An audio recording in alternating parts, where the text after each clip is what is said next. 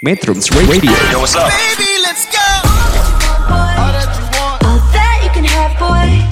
Got me spread like a buffet. Bon night. Now they always say congratulations. Come on, strip that down for me. I'm on my way. Girl, come on, strip that down for me.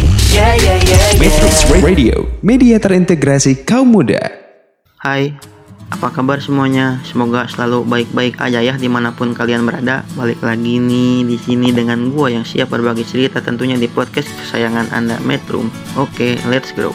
Banyak hal-hal yang sangat menyenangkan di tahun 1999 sampai dengan 2000-an. Saat itu gua masih menginjak bangku SD. Zaman gua SD semua anak-anak belum mengenal gadget canggih seperti Android atau smartphone. Seperti yang remaja dan anak-anak di bawah umur gunakan tanpa pengawasan orang tua mereka. Masa SD dulu, anak-anak bermain sepeda, bertukar binder, dan bermain Tamiya.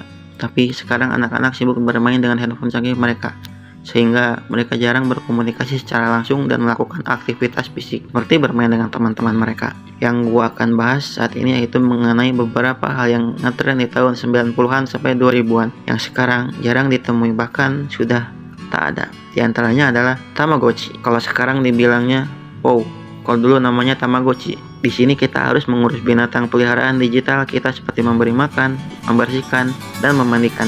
Terus buah puin berbau harum yang dikira ada narkobanya. Masih ingat nggak sih dengan buah puin ini?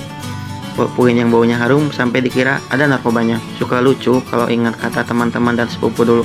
Jangan suka dicium, bau buah puinnya, ada narkobanya. Sampai-sampai gue sendiri dulu ikutan percaya. Terus film petualangan Sherina. Dulu kalau belum nonton ini belum keren film yang menjadi favorit gua. Film ini mengisahkan tentang petualangan Sherina yang menyelamatkan kedua musuh dari sekolah barunya yang diculik oleh Pak Raden. Tapi kemudian kedua musuhnya menjadi sahabat Sherina.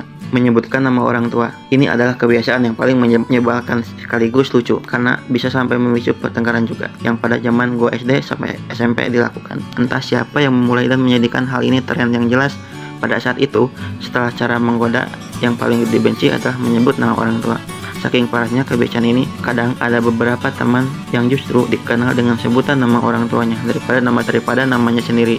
Terus main engkle. Permainan ini disebut main kengkeng. Cara bermainnya adalah dengan menggambar sebuah pola tertentu di tanah dan permainannya meloncati pola tersebut dengan urutan dan aturan main tertentu. Tujuan dari permainan ini sederhana, yaitu mendapatkan sebanyak mungkin rumah sehingga lawan tidak mungkin bermain lagi. Sayang sekali permainan ini sekarang sudah jarang dijumpai. Terus balapan Tamiya. Siapa sih yang tak kenal dengan Tamiya? Mobil-mobilan dengan menggunakan dinamo dan ada juga yang dimodif. Ini adalah salah satu mainan favorit anak laki-laki pada tahun 90 hingga 2000-an. Popularitas Tamiya yang memuncak pada saat itu juga didukung dengan adanya penayangan serial televisi Yankuro oleh stasiun televisi pemerintah. Terus game PS1 Harvest Moon. Kalau dulu belum keren rasanya kalau belum main game yang satu ini. Game simulasi tentang berkebun, bersosialisasi dengan orang desa dan juga mencari uang serta memasak. Terus main petak umpet. Ketika memasuki bulan suci Ramadan adalah bulan yang paling gua tunggu-tunggu dengan teman-teman kala itu. Soalnya ketika terawih kadang main petak umpet hingga selesai tarawehan. Gua soalnya waktu kecil taraweh cuma setengahnya, jarang sa banget sampai beres. Dan masih banyak lagi hal-hal yang ngetren di tahun 90 sampai tahun 2000-an. Nah, metronom cukup sekian seiring berjalannya waktu kita kali ini. Semoga bisa mengingatkan memori indah masa SD kala itu. Tetap menjadi pendengar setia Metrum karena pastinya akan selalu ada yang lebih seru lagi. Metrums Radio. Media terintegrasi kaum muda Can't get enough.